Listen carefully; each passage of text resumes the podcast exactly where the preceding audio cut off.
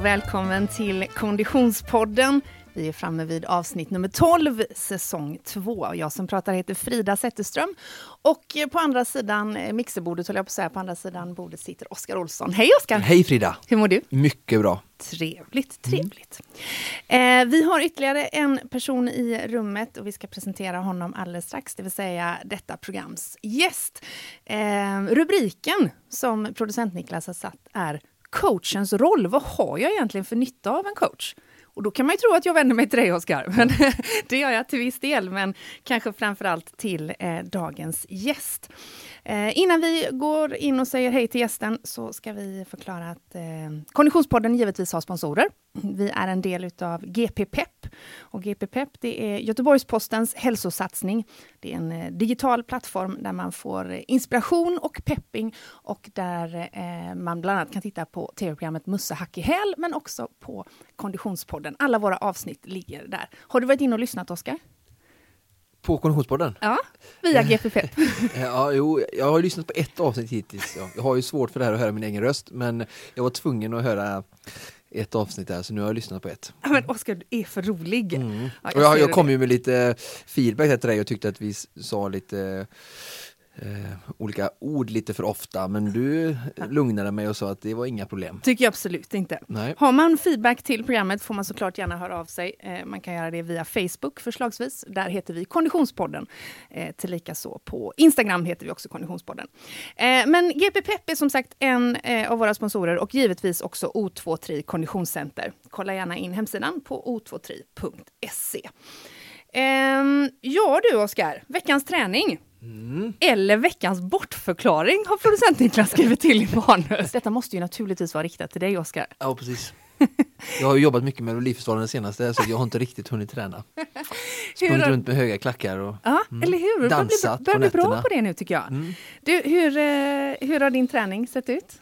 Jo men den är inte jätteintressant kanske. Det har ju varit ganska mycket samma som förra veckan. Så, ja. Och för eventuella lyssnare som inte lyssnade på avsnitt nummer 11? Ja, det har varit eh, korta, hårda intervaller eh, eftersom jag befinner mig i den här kapacitetsfasen nu. Eh, mycket, Kapacitetsfasen? Ja, när vi försöker jobba mycket med VO2 max-träning och eh, sy eh, höja syreupptaget. Mm. Så um, vila, det har varit hårt måndag, onsdag, fredag, vila tisdag och torsdag och sen har det varit eh, distansträning i helgen. Jag fick eh, fyra timmar cykel som var härligt i söndags. Ja, roligt. Men, men när du säger vila, tisdag och torsdag. Ja. Var det fötterna på Nej, är ju simning och sen lätt eh, löpning eller cykling. Just det, så, men... så, två lätta pass var precis, din vila? Precis. Ja, som sig bör. Och de här eh, eh, intervallträningarna, hur, hur har de sett ut? Ja, eh, nu försöker jag gå tillbaka här i minnet. Eh, jag fick ju ett sms av dig med en bild på, på dig och, och Thomas eh, från Feti Just det! Just det, det var ett Lämna. av de lugna passen. Jag var ju i Stockholm och jobbade i slutet av förra veckan. Ja. Så då blev det ett lugnt pass där på torsdagen i, på Djurgården. Just det, efter hur lång löpning var det det stod? Det la jag inte märke till, jag såg att du skrev att nu är vi dina domäner och då ja, var ni i baran precis, i löparkläder. Precis, precis. På Nya Continental, jajamän. Eh, när 11 kilometer runt Djurgården var det det, det passet. Mm. Var han stark? Han var stark. Mm. Eh, han är ju Eh, nej men han, eh, han fortsätter nu mot Göteborgsvarvet som vi pratade om här. Alltså vi pratade om Thomas, eh, våran gäst som vi hade för ett tag sedan här. Mm, avsnitt 10 eh, tror jag bekant. Från fet till atlet. Precis, mm. kan eh, väl rekommendera eh, hans livsstilsresa som han berättade om i Precis. Konditionspodden. Och trots oerhört mycket jobb så lyckades vi att välja själva att prioritera in löpning. Härligt! Mellan Ännu en gång, ni mm. är ett föredöme för mänskligheten. För första gången på, jag tror att det är sju veckor, så är jag ganska nöjd över punkten veckans träningsvecka. Ja, Eller veckans träning. Höra. Nej men det är ju så, så, vi skojar ju mycket om detta att Mello nu är över, men det är ju lite så att Mello är nu över. Tack gode gud för detta, grattis Robin Bengtsson. Eh, och eh, mitt liv och många andras liv har börjat återgå till någon form av eh, verklighet. Eh, så att jag hade eh, lugnt ett litet tag och sen så har jag kört, men på en vecka har jag ändå kört tre ordentliga pass Oj. och en lång promenad Bra. med familj. Eh, och de där passen har varit eh, i den här fjantiga maskinen. uh, Cross-trainer. Arc. Cross-trainer. Ja, just det. Precis. Ja. Arc heter den på mitt gym tror jag. Ja, ja. Eh, Det är nog man- fabrikören. Ja. Ja, nej, det är Nej. inte fabrikören. Nej, Nej. okej. Det hade jag koll på. Ja. Eh, för övrigt kan jag inte riktigt förstå varför, varför man går passgång i den. Det tycker jag är konstigt. Man går ju passgång med eh, fötterna och händerna och, samtidigt. Nej, man ska gå diagonalt. Eh, och går man passgång så tror jag att man gör fel. Jag tror inte man kan göra fel på den maskinen okej. faktiskt. Nej. Jag, jag känner bara till crosstrainer och då jobbar man diagonalt precis som med löpning. Ja. Eh, så fram med vänster ben och höger arm helt Jo, enkelt. jo, det, jag är ju med på det. Så Men det här det måste vara ett nytt fenomen i gymbranschen så den eh, får vi titta närmare på. Ja. Gärna, kanske du kan fota när jag du kan, gör ta, nästa gång. kan och, ta en eh, bild på den nästa ja, gång faktiskt. mm. Den körde jag i alla För, fall. för det, jag kan inte se något liksom, eh, nyttjande där liksom, för koordinationen eller Nej, jag är helt med på detta. Nu håller man en gäst på att få Jag skrattanfall här. Jag skulle nästan våga gissa att det går att kanske göra fel men jag låter det vara osagt. Ja, det, det känner jag också att det, det är bra att Jag underkastar mig din expertis Frida. Tack, vad skönt att jag fick ha en sådan. Det var i alla fall ett sånt pass, Ja. eh, 45 minuter i den. Hur Eh, la du upp det? Hade du lite intervaller, du som kryddade, du hade någon plan eller var det bara Jag lyssnade på ett konditionspodden och maxade hela Okej, vägen bra, faktiskt. Och bra. var helt nöjd med vi, det. i, vi, I löparkretsar eller i konditionskretsar så kallar vi det för tempopass. Ja. Eller för, Ja, just det. så, um, det jag bra. kallar det för heja, gud vad bra att jag är här, pass. Just Det det. var det ena. Sen var det eh, en dags eh, någon form av eh, icke-träning. Och sen körde jag ett eh, CX Works, på mitt gym heter det det, det vill säga bålstyrka. Ja. Eh, med något eh, lite Tabata-liknande intervaller, fruktansvärt.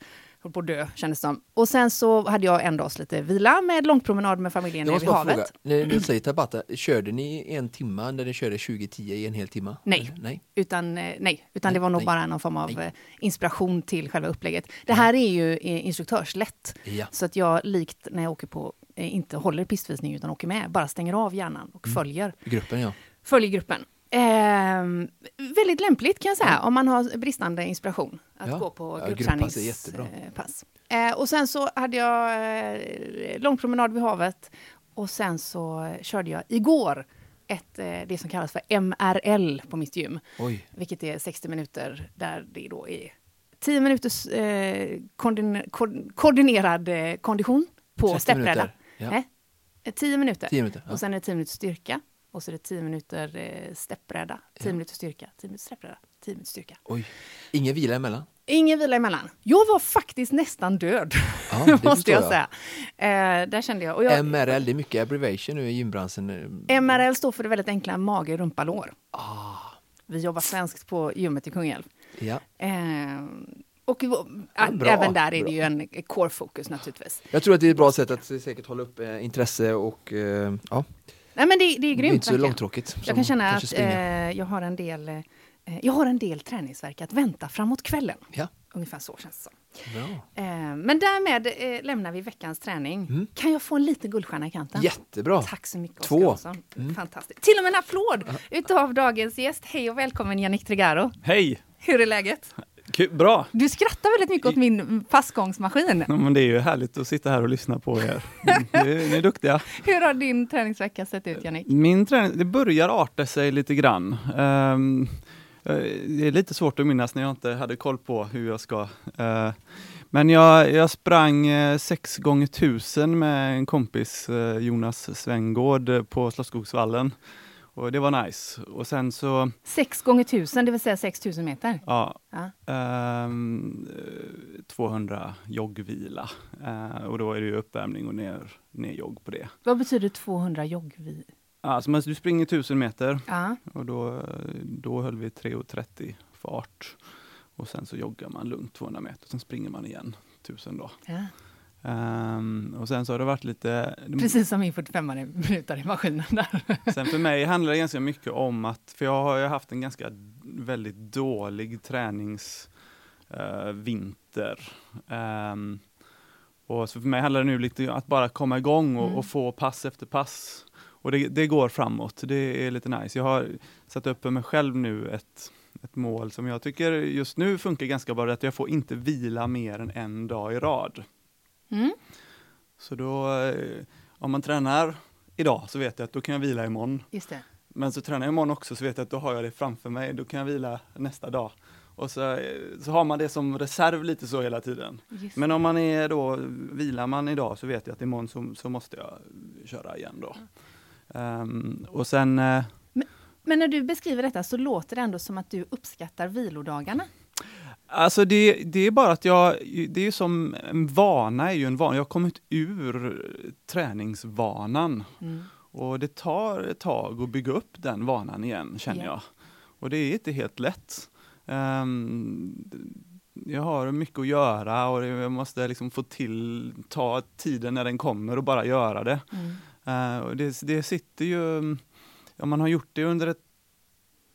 År eller en, en lång tid så, så sitter det utav sig själv, då, då bara gör man det. Ja. Men när man har kommit ur det så, så är det tvärtom då. Hade du eh, någon eh, målsättning när du var i träningsvanan? Hade du något mål som var strukturerat som du jobbade för och hur har du det nu i så fall? Eh, Har du ett mål nu? Ja, alltså e- egentligen är det att mitt mål är att, att försöka utvecklas och bli så, så bra som möjligt. Och då är det ju alltså eh, det är halvmara 10 kilometer som jag tycker är lite roligt att, köra. För det är ett ganska diffust mål. Ja, det, men samtidigt så är det ju om jag vill, nu är det Göteborgsvarvet som, som närmar sig, som, som, är, som är kanske ett lite större mål. Och sen så har jag ju, alltså jag tycker det är, är nice att, eh, att träna och att bli bättre. Och jag, alltså jag är ju sambo med en väldigt duktig tjej också som springer, Sara Holmgren. Um, hon är en av de eh, bättre löparna i Sverige. och eh, vi- mötte varandra på 10 kilometer fyra gånger förra året. Står 4-0 till henne. Och det är ingen, då har jag pers på 35.06 och hon har på 34.56 tror jag. Något sånt där. Mm. Så vi är väldigt jämna men hon har slått mig på alla tävlingarna och det känns inte bra. Så det är väl, det är väl ett mål. ah, ja. Men och sen så har jag drömt lite grann också faktiskt om att tävla på, alltså jag sprang ett för, förra sommaren också, sprang jag 3000, eh, 2000 hinder på en eh, tävling som en duktig friidrottstränare anordnade på Slottsskogsvallen då. Och då, då gjorde jag ju en ganska bra tid på 2000 hinder. Och det, jag, har, jag är ju hoppare från början. Mm. och jag har det ganska naturligt, jag har sprungit häck också mycket, jag har det ganska naturligt med, med hopp, eh, att eh, kombinera löpning och hopp. Ja, och jag har sprungit lite hinderlopp och sånt där också, det är jag också ganska bra på. Men, och jag märkte det att jag, jag, jag, jag kan konkurrera mycket bättre på, på till exempel 3000 hinder. Och där känner jag att Alltså att vara med på senior-SM Mm. är inte helt orealistiskt, även om det är jättetufft. Ja. Eh, så, så, så känner jag att det kan gå att göra 9.30, 9.35 eller något sånt där eh, på, på 3000 hinder. Eh, om jag verkligen satsar på det. Oskar, ser du att det gnistrar lite i Janniks ögon här nu när han pratar kring detta? Jättebra, jag stöttar det här målet till 100%. Det låter jätteroligt. Hur, hur gammal är du? Får man fråga så, en ung karl? Jag är 38. Eh, jag ska fylla 39 på, på söndag. Oh. Eh, men alltså, jag skulle säga det på 10 000, där, där, där, där, har jag ingen chans att vara med Nej. på, på, på SM. Eh, så att, ehm, det, det är en liten så här, som, som ligger och bubblar lite där bak. Roligt. Mm. Rubriken på dagens program är ju coachens roll. Vad har jag för nytta av en coach egentligen? Eh, Jannik, har du en egen coach? Har coachen en coach? Jag har kompisar Ja. som, som är coacher. Ja men absolut, Eh, jag har, jag har ju- Ibland så får jag hjälp med upplägg mot vissa saker. Kan, vi kan fråga Johan Wettergren till exempel. Eller, eh, har en, eh, alltså Geir Ove Rasmusson är en annan tränare som, som gillar väldigt mycket alltså, träningsfysiologi. Och, alltså, och Emil Predan är också eh, väldigt duktig tränare. Som, alltså, eh, vi kan ju diskutera eh, saker. Mm. Eh, Men eh, jag lägger för det mesta upp eller nej, jag, jag, jag, jag, jag, jag, jag tar tillfället i akt och kör så hårt det går när, eh, hela tiden när jag är inne i det. Oskar, har du någon coach? Har du haft någon coach någon gång? Ja, absolut. Flera och ja, nu har jag väl en mentor kan man säga, men absolut. Mm. jätteviktigt att få input. Det är svårt att, eh, vad ska man säga, terapeuta sig själv i spegeln. Mm, det är det definitivt. Mm. lite, lite risk för bagans barn, tänker Verkligen. jag. Och svårt att göra kirurgiska ingrepp på sig själv också. Mm. Det låter kanske lite klyschigt eller udda, men det är väldigt mycket i det. Mm. mm. Jag känner lite grann att om jag om jag, om jag ska köra ett, jag vet att jag ska göra ett tufft intervallpass och jag inte har det specificerat, så tror jag att jag gör det tuffare. Mm. Att jag är hårdare mot mig själv än om det är någon annan som ska säga vad jag ska göra. För det, för det mesta så, så tror jag att det är så. Mm. Men jag tänker, för, för Oskar, du, du jobbar ju också som coach, eller du jobbar ju som coach, och, och men, men tränar ju primärt eh, motionärer och väldigt aktiva motionärer, medan Jannik, du har tränat några av Sveriges absolut främsta friidrottare genom tiderna. Kan det, hur, hur ser för, för Oskar, du är ju verkligen enorm på att behålla din egen träning och verkligen vara ett föredöme i det. Hur ser det ut, Jannik, i, i friidrottsvärlden? Är coacherna och tränarna lika vältränade själva och prioriterar sin egen träning lika, lika hårt? Jag ler lite här. Men eh, nej, alltså det är ju, eh, det beror ju också Uh, inte hur jag ska uttrycka mig, men, om, ja, men, ja, men tränar man uh, elitaktiva så är ju, är ju de väldigt, väldigt, väldigt bra och då är det ju inte så lätt att, att hänga på. Det är ju, alltså, tränar man då hoppare eller sprinters eller så, um, det, visst, är man en medel långdistanstränare så kanske man kan hänga med sina aktiva på, på distanspass, men då är distanspassen bara meningen att vara ganska lugn, lugn ja. distans. Och det kan ju vara jobbigt, men eh, det är väl, jag tror ju att alla mår bra utav att träna mm. och hålla sig i form. Och, alltså, det, det, tror jag verkligen, så att jag, jag, de flesta bra tränarna tränar själva. Men, men på, eh, in, in, inte att man nödvändigtvis ska ska slå sina aktiva. Nej. Men det, det, är intressant tänker jag att se skillnaden. Vad tänkte du på Oskar? Nej, menar att man kan ju ta bort det här med prestation mm. och så mycket som elitidrottare eh, handlar ju om att eh, göra alla rätt. Alltså det gäller med återhämtning, ta hand om sin kropp och det kan vara att man foamrollar varje kväll, att man gör sin rörlighetsträning och allting sånt. Och, så. och som tränare då så kan man ju vara ett föredöme, inte prestationsmässigt, men att man gör sin träning, om den är bara två till tre gånger i veckan, att man tar hänsyn till sömn, kost och håller sin kropp i i ett bra skick. Det tycker jag är att vara ett bra föredöme mm. Eh, för sin elitaktiv då som kanske som kommer från ungdom och som kommer från skolan med kanske Coca-Cola eller dålig sömn, data på nätterna och sånt där då. Mm. Så, så, att man är som ett föredöme. Jag ser många tränare som står vid kanten och äter och dricker i olika typer av idrotter utan att generalisera. Um, och då är man kanske inte ett så bra föredöme tycker jag. Sen behöver man liksom inte simma, springa på samma farter eller hoppa lika högt på något sätt. Nej. Men man kan vara föredöme på så många olika sätt. Ja, men det, det, det, här är ju verkligen intressant, för jag som kommer från gymnastikvärlden, där finns det ju snarare en historisk tradition av att när, där tränarna är Eh, eh, verkligen eh, avlagda gymnaster. Kanske inte så mycket i Sverige, ska man tillägga, som, som utomlands. Eh, men eh, nidbilden av den eh, eh kraftiga tränaren som, som har sedan länge slutat stå på händer. Men det, så kan det ju vara också, att det, det, finns ju väldigt duktiga tränare som, som inte har ambitionen att träna längre mm. och som är mera, så att säga, piska mm. och, och, kräver men, av de aktiva. Och det, det, finns ju också två egentligen, den eh, liksom ödmjuke, lyssnande tränaren och så finns det den eh, donderande liksom, diktatorn som, som vill ha kontroll och bestämma allting. Låt mig gissa att du var den som lyssnade. Ja, men jag tror ju att det är faktiskt man behöver vara båda om man ska vara riktigt bra tränare. För att eh, aktiva behöver olika också. En del behöver bli styrda väldigt hårt. Mm. Eh, och mår bra utav det. Mm. Sen tänker jag också att det, det kanske finns en, en inbyggd eh, mekanism i att när man har många tränare då som själva har varit eh, elitaktiva, att man då tappar motivationen, man ser inte målen längre. Det är svårt att, att hitta ny, ny, nya realistiska mål och motivation. Eh, du slutade som 21-åring eh, din aktiva karriär. Eh, som höjdhoppare. Som höjdhoppare, precis. Förlåt, förlåt. Vi ska inte negligera den karriär som pågår, men, men som, som elitsatsande höjdhoppare för att ta över som tränare. Hur såg din träning ut då, om vi flyttar tillbaka klockan? Ja, men då tränar jag ju ja, det är lite olika beroende på när under året, men mellan nio och sex pass i veckan. Um, där, alltså, det, det att, att ha mål och, och jag gillar ju det där, alltså att om man vill utvecklas till 100% utav sin förmåga, det är lite grann så jag tänker som tränare nu också. Jag vill få alla jag tränar att bli så bra som möjligt. Mm. Och Det handlar också om att man måste göra sitt bästa.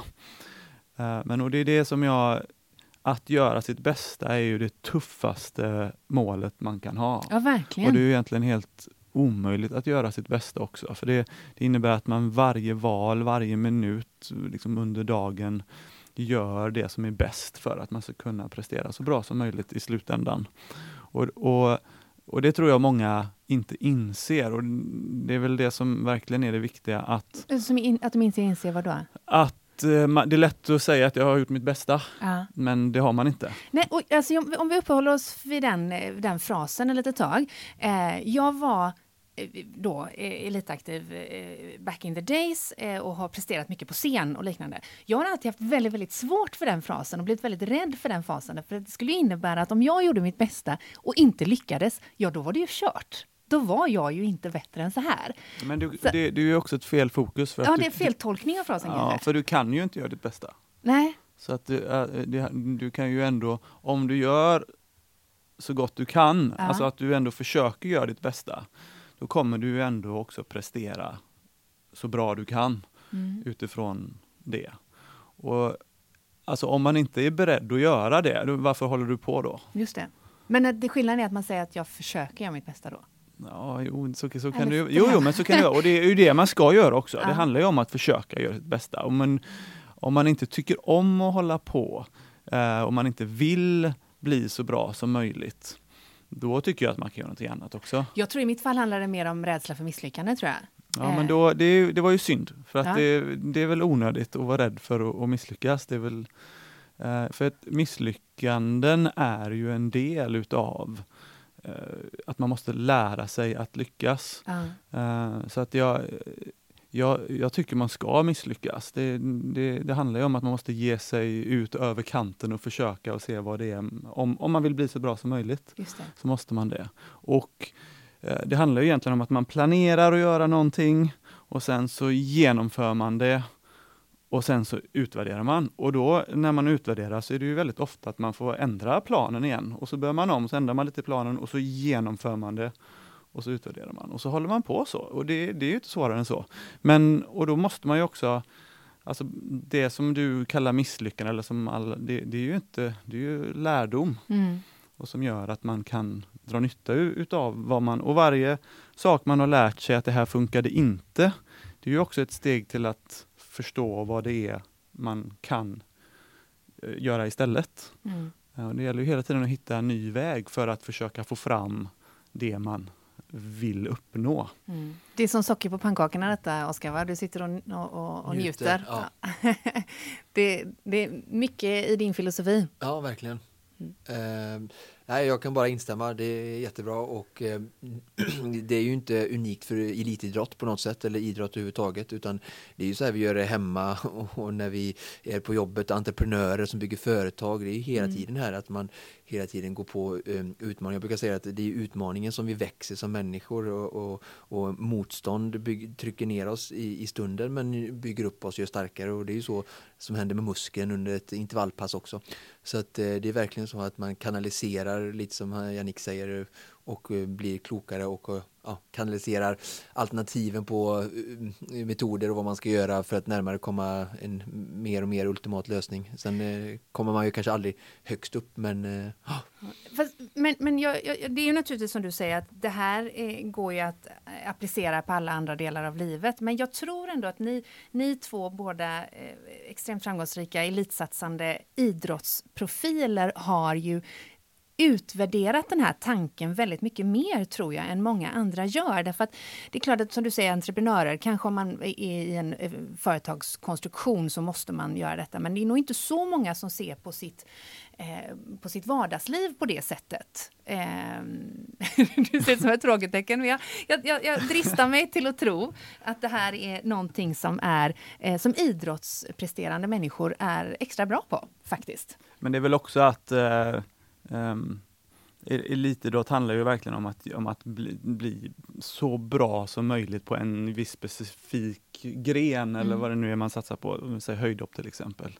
Och Det kanske är onödigt att bli bäst i världen på att Städa? Ja, eller diska tänkte jag säga. Det, liksom, det räcker att man får det gjort så, så eller lägger det vid diskmaskinen om det. Mm. Men ja, man behöver ju inte maxa allting. Nej, och det är naturligtvis heller ingen slump att många före detta elitidrottskvinnor och män eh, blir framgångsrika eh, föreläsare eller företagare eftersom man applicerar det tänket in i, i livet. Det finns ett, en, en sak till jag vill säga om det här tänket just med att sätta mål.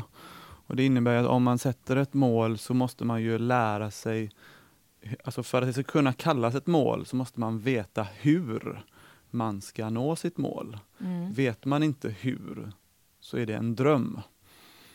Oh, ta det där igen, det var intressant. Om man inte vet hur man når sitt mål så är det inte ett mål, då är Nej. det en dröm. Ja.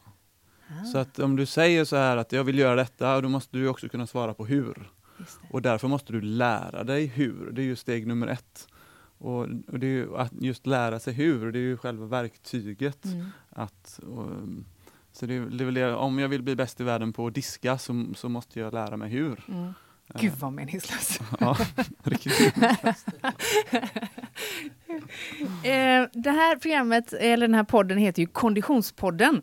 Eh, och för många, eh, Jannik, så är du ju fortfarande associerad med höjdhopp.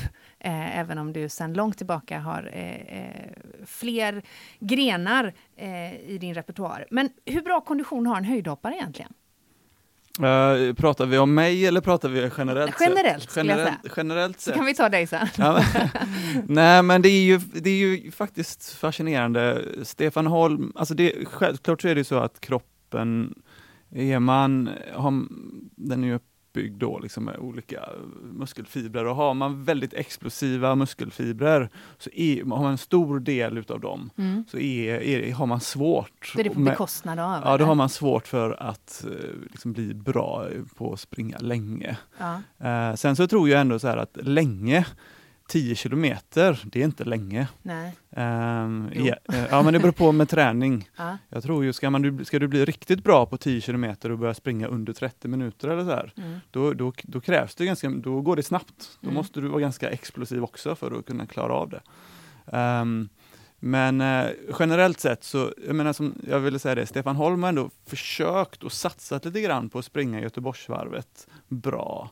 Och, men han har inte löst det under två timmar, vilket är riktigt dåligt. Mm. Om man ändå försöker så ja. tycker jag att det är riktigt dåligt. Det är ja, det är sant. Uh, medan Medans Kajsa Bergqvist ändå liksom har gjort 1.43 eller något sånt på, på halvmara. Um, vilket är lite bättre. Uh, fortfarande inte bra. Men, men alltså allting är ju relativt. Och du sitter och myser här nu. och det är ju det som...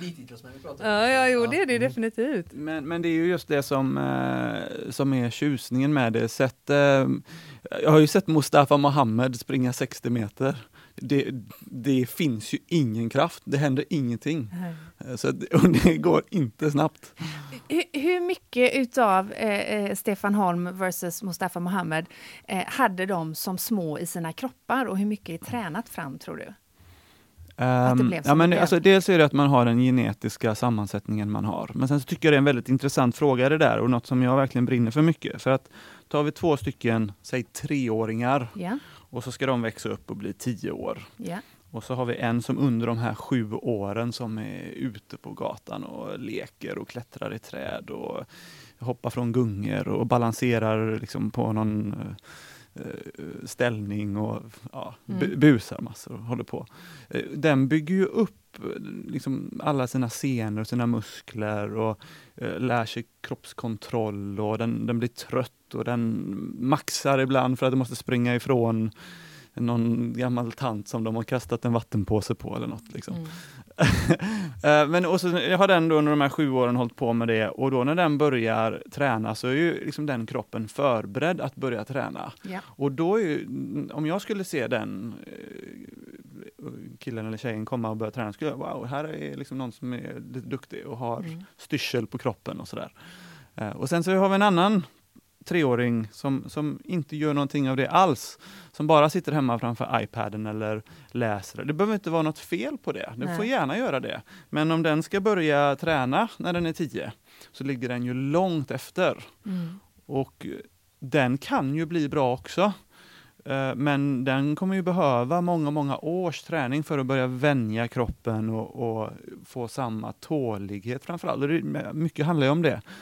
Eh, Att inte bli skadad. Just det. Ehm, eh, Man ska kunna träna så, så mycket som möjligt men blir man skadad så får man ju hela tiden eh, hack.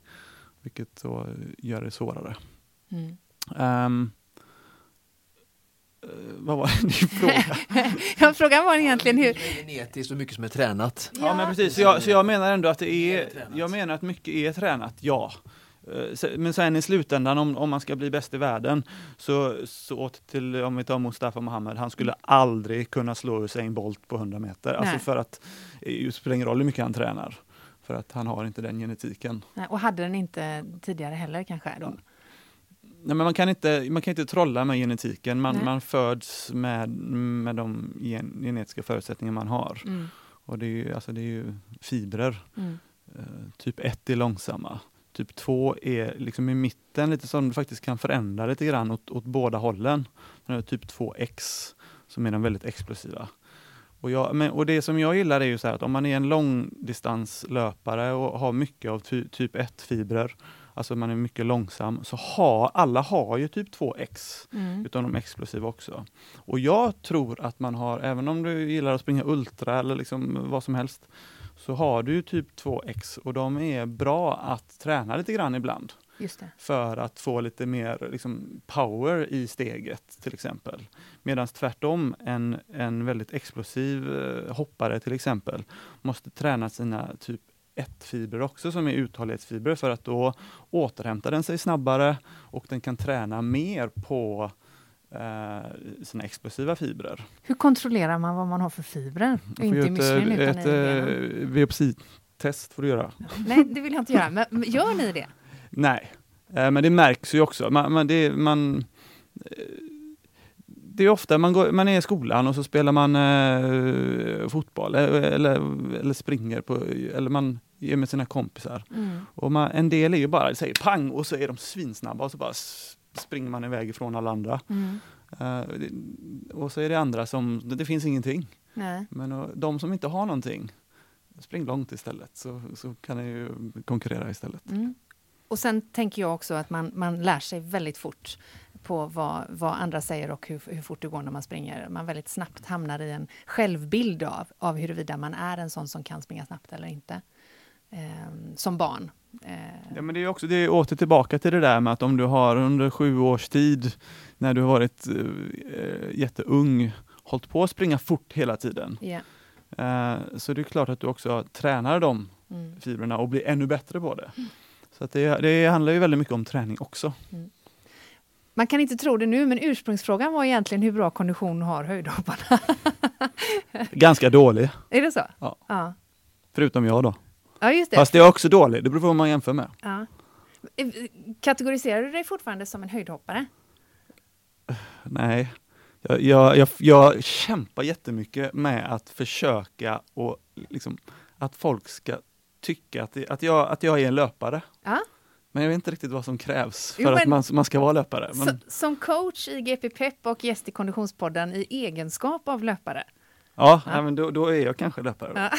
Hur, hur högt hoppar du, du som högst och hur högt hoppar du nu? Jag hoppade 2,17 som högst då. Jag var ju 18 då bara, så det var ju det var väldigt lovande och bra. Um, nu är mina, alltså så fort jag hoppar höjdhopp så, så får jag ont i knäna. Det är inga problem när jag springer, men när jag just man står emot i upphoppet och bromsar den kraften uppåt så, så är mina knän nog inte tillräckligt starka just nu. Men jag, alltså jag hoppade 1,80 för, eh, jag tog det ganska lätt. Om jag springer väldigt långsamt fram till ribban så, så är det, så är det lättare och då blir det inte lika mycket kraft att stå emot. Så då har jag ändå lite så elasticitet kvar. Där jag kan ändå, så jag, jag, jag, tror med lite träning så skulle jag kanske kunna hoppa 1,90 liksom ganska så snabbt. Vad hoppar du Oskar? Jag har faktiskt tränat för tiokamp. Jag var ju faktiskt friidrottare som junior. Och jag tror jag hoppade kanske 1,70-1,75 som 14-15-åring. Jag var sådär halvbra på allting. Längdhopp hoppade jag nog kanske 5,85 kanske som bäst någon sådär som junior eller ja, mm. pojke 15-14 mm. Så de ville att jag skulle hålla på med tiokamp då. Jag sprang 800 och, och sådär. Eh, så jag var nog ganska explosiv och så håller jag på med långdistans nu så jag har verkligen gått emot eh, har säkert mer typ X, eh, 2X än jag har typ 1 men eh, ja. Jo, man ser på dig, jag ser mm. på din kroppsbyggnad att du ändå är lite explosiv. Mm. Det, det, det, syns ju bara. Mm. mm. Varför kämpar du med att det ska, bilden av Yannick Trigaro ska vara som en löpare? Nej, det är bara för att jag gillar att springa. Det är för, och, ja, jag, den gemenskapen, jag har mycket kompisar som springer. Um, jag, jag, tycker faktiskt att det är en... Uh, jag mår väldigt bra utav att springa. Sen så är jag ju en tävlingsmänniska, har alltid varit och kommer nog alltid vara. Uh, så då vill jag det blir så dumt för att jag, jag, jag, jag går ju in och och jag, må, jag, vill utvecklas hela tiden. Om jag inte utvecklas tycker jag det är tråkigt. Mm. Och det, när man då tränar ganska mycket så kan man bli ganska bra. Och då för att utvecklas ännu mer så, så, så måste ta det väldigt mycket tid helt plötsligt då. och någonstans så får man prioritera vad som är möjligt och inte och sådär. Man, ja, om man ändå har massa annat att göra så är det inte så lätt alltid. Mm. Vi ska inte fastna i historien, för eh, nutid och framtid tenderar att vara roligare, men måste ändå starka, ställa frågan, eh, starkaste idrottsögonblicket. Eh, mm. Har du något eller några sådana? Ja, jag har ju nog, alltså det, det är lite så här. Eh, 2004 så, så vann ju Christian Olsson OS-guld i tresteg eh, och nu har jag ändå Uh, först då tränat lite grann tillsammans med honom och så dog våran tränare och så tog jag över uh, liksom hans träning 1999.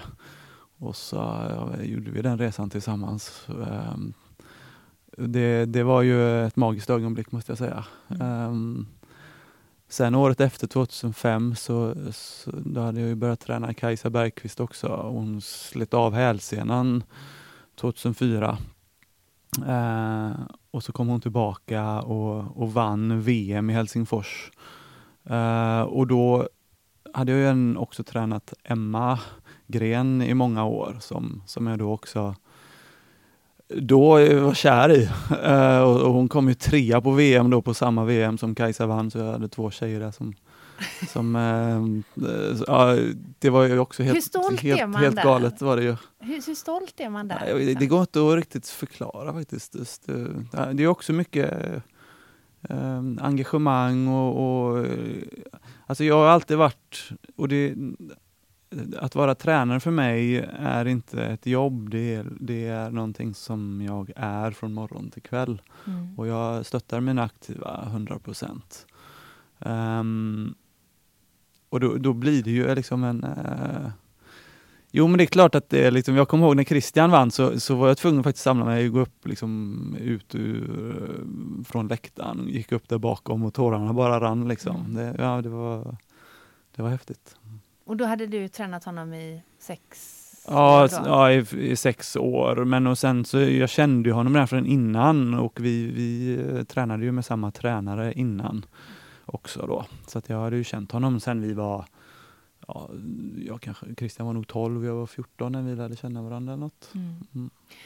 Idag är du eh, fortfarande heltidsanställd som tränare. Du har sex aktiva, tror du sa? Va? Ja, det beror på lite hur man räknar. Hur räknar du? Nej, men det jag har eh, eh två, en, två utav dem har lite så här, eh, de jobbar och men tränar lite grann ibland också och mm.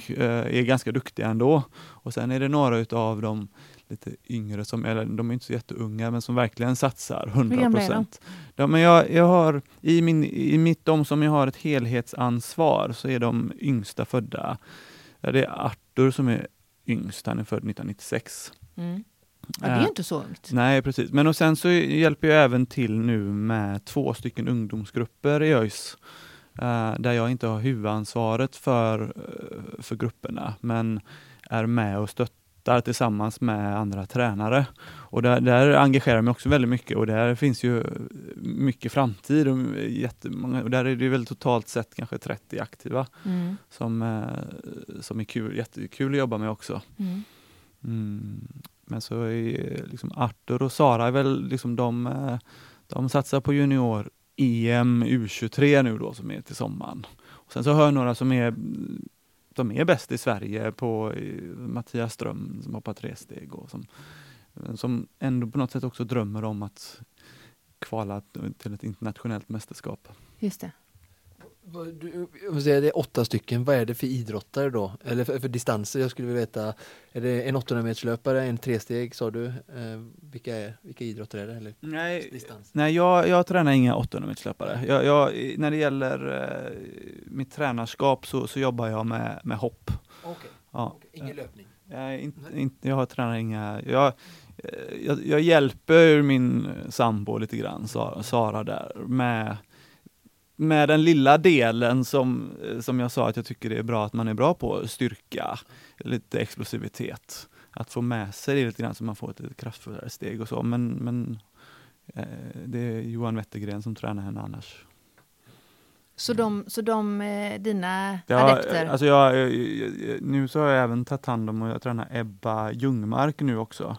Och hon, eh, hon är verkligen jätte på G. Det var, hon fick ont under hälen nu under inomhussäsongen, så det blev ingen inomhussäsong för henne. Men hon, hon tränat väldigt bra inför den. Eh, och det ska bli väldigt spännande att se vad hon kan göra nu mot sommaren också. Just det. Mm. Vad spännande. Vad, vad, vad sätter ni, ni sätter ju individuella mål såklart. Eh, eh, som Konditionspodden-lyssnare, vad kan man hålla utkik efter eh, i tävlingssammanhang och liknande? Nej men alltså, det är ju, jag, jag, jag tycker de aktiva själva ska, ska sätta sina målsättningar och, och, och, och liksom göra det som krävs för att nå dem. Mm. Um, så att jag, och jag, jag har lite svårt att säga något konkret så här. Det är ju det finns några juniormästerskap i sommar och sen så är det ju VM i London som, som är eh, som är Ebbas äh, mål. Mm. Um. Mm. VM i London. Eh, det är ju faktiskt så att som Konditionspodden-lyssnare så kan man få ingå i ditt träningsgäng. Yes. I alla fall enligt GP Pep. Yes. Vad, vad, hur, hur, ser det ut för er där? Nej, jag, jag har varit lite jag har haft väldigt mycket att göra och inte riktigt varit så bra på att uppdatera på GP Pep och inte fått tekniken att funka riktigt. Jag, jag trodde jag skulle kunna använda en app som jag använt lite grann och sen kunna uppdatera därifrån så att det skulle uppdateras på GP Pep. Uh, men, uh, men för den lyssnare som inte riktigt vet vad det här är, Eh, kan det inte finnas några sådana, men om du nu skulle göra det. eh, berätta, vad, vad är Jannik Trigaros gäng på GPP? Jo, men det är ju att vi ska hjälpa varandra och, eh, och komma igång och träna mer, känner jag. Mm. Och det är väl där jag är också att eh, vilken nivå du än är på, men om du känner att det just är det här eh, vi, vi är inga elitlöpare, men vi vill ändå väldigt gärna bli väldigt bra. Mm. Och vi kanske har varit väldigt bra, vi, vi, men vi behöver prioritera träningen bättre och då, då, behöver vi peppa varandra. Och, hur, och det gör man då genom? Ja, då går man in på, på GP Pepp, mm. eller alltså gp.se snedstreck pepp. Just det. och där, där eh, kan du då gå, gå med i mitt team. Och, eh, och, så skriver, alla har möjlighet att skriva på en wall där då, där man kan stötta varandra och mm. följa varandra. Och så får man poäng av hur många som, som gör, gör aktiviteter hur många har du i ditt gäng nu då? Ja, jag vet inte riktigt. jag sa ju att jag skulle vilja gå med i ditt, i ditt gäng här i början när vi började prata. Vi har även haft din kollega Annika mm, Sjö, Sjö. Eh, på plats och vi ska väl även få med oss Bingo i något av eh, avsnitten har vi tänkt oss framöver. Eh, målsättningen är ju då Göteborgsvarvet om jag förstått det hela rätt. Ja, för det, man, det är väl Göteborgsgirot också. Om man, Just det. Men, men jag, jag håller mig till löpningen. Mm. Ja. Mm. Spännande. Dagens rubrik är ju coachens roll. Vad har jag för nytta av en coach? Att jag har en nytta av en coach, det behöver bara sitta i samma rum som er två här för att förstå. Men, men går det att säga, Jannik, hur stor skillnad en coach gör? Jag förstår att det är en väldigt bred fråga, men eh, eh, går, går, det att liksom ta sig an det? Uh, jag tror ju, alltså det, begreppet coach är ju också ett väldigt brett begrepp och det, det, det skiljer sig väldigt mycket. En del behöver, eh, som, som, om man är väldigt erfaren och, och, har mycket kunskap och man är mitt inne i det och man har en vana och man eh, då kanske man behöver stöttning och då kanske en mentor räcker eller en kompis räcker. Mm. Eller det beror på också lite grann vad för idrott och så här, eh, vad man håller på med. Eh, medans en, en tränare som verk, verkligen instruerar allting um, kan också vara jätteviktigt om, om man inte riktigt har kunskapen och man har en idrott som kräver mer specifik teknik eller um, så. Men ja, att, att vara helt själv, det är helt värdelöst. Mm. Uh, det, det tror jag inte på. Man behöver folk runt omkring sig. Eh, tänk att stå på en bana och ingen annan bryr sig. Eh, det, jag, jag, tror inte på det. Och jag tror att, eh, att, att, ha ett team runt omkring sig, träningskompisar där man inspireras av varandra och stöttar varandra och skapar en atmosfär där man, där man trivs, det, det gynnar ju, ju alla. Och fram, liksom framgång föder framgång. Är det någon som gör någonting bra eller gör något bra på träningen, persar i någonting, så känner man shit, nu är han på gång, då, då är jag också på gång. Mm. Och så, så att, alltså heja på varandra, det, det tror jag är väldigt bra. Mm. Generellt? Generellt. I livet? I livet, ja. Har du något att tillägga, Oskar? Nej, jag kan bara instämma eh, såklart med allting han säger. Eh, och sen kanske tillägga att jag tror att det har mycket om vi pratar om just med coach, så att samspelet mellan coachen och, och det Jannik sa är ju att det finns säkert två stycken kategoriska eh, läger där det är en som är den diktatorn som dikterar väldigt hårt och en som är väldigt ödmjuk och lyssnar. Och men sen då kanske de riktigt framgångsrika tränarna som, som, som tar medaljer på stora mästerskap eller, eller även på motionsnivå får bra framgång. Det är den som, som vet, eh, kan känna in eh, coachin. Nu ska jag lyssna och vara ödmjuk och känna in signaler från eh, hur kroppen kanske reagerar och nu så behöver jag säga att nej, nu är det vila, nu är det hårt så och bara liksom mm. du gör och jag säger. Um, så att, så att samspelet, eh, oavsett vilken nivå, tror jag är väldigt viktigt. Eh, och sen att eh, pratar man prestation så tror jag att, att ha en mentor eller en coach är jätteviktigt. Och sen på motionsnivå så har man dålig disciplin eh, så kanske det är väldigt bra att eh, ha en, en, coach också för att man har dålig disciplin och kan man rannsaka sig själv eh, så kanske det är värt att, att prioritera det. Har man bra disciplin um, och uh, inte ha några jättehöga prestationsmål utan bara enklare resultatmål. Alltså prestation som vi pratade om förut är ju när man liksom jämför sig med andra. Mm.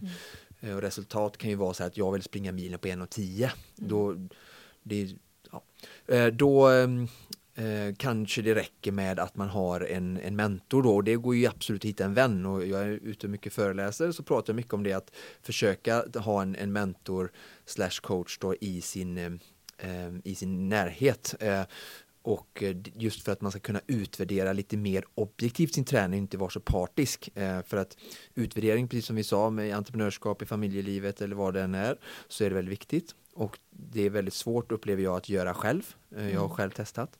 Så därför har man bra disciplin och eh, inte jättehöga eh, prestationsmål så, så, så tar jag hjälp av någon i närheten och eh, utvärderar träningen tillsammans. Eh, och så kan det stanna där och man behöver inte ha en coach. Mm. Jannik, eh, eh, är det här denna dag eh, när solen bryter igenom i Göteborg, är det en vilodag eller är det en träningsdag för dig? Mina aktiva, de, de väntar på mig. de får börja själva idag, de börjar träna vid, vid tio. Så jag åker till, till Friidrottens hus nu direkt. Och jag eh, tränade igår faktiskt, men jag, min plan är att springa idag också får se när jag ska hinna. Det låter fantastiskt bra. Löparen Yannick Trigaro, tack så hemskt mycket för att du gästade Konditionspodden. Tack så mycket för att vara här, väldigt trevligt. Det här var allt vi hade att bjuda på för idag. Nästa vecka så tror jag att vi kommer att prata prestationshöjande kost, Oskar. Eh, ja, det var en spännande rubrik, men vi kommer att koppla, precis, vi kommer att prata om eh, nutrition kopplat till fysisk aktivitet kan vi säga. Mycket finare ord. Mm. Med detta tackar vi för idag. Jag heter Frida. Hej då Oskar. Hej då Frida. Konditionspodden produceras av Freda, Connecting Brands with People.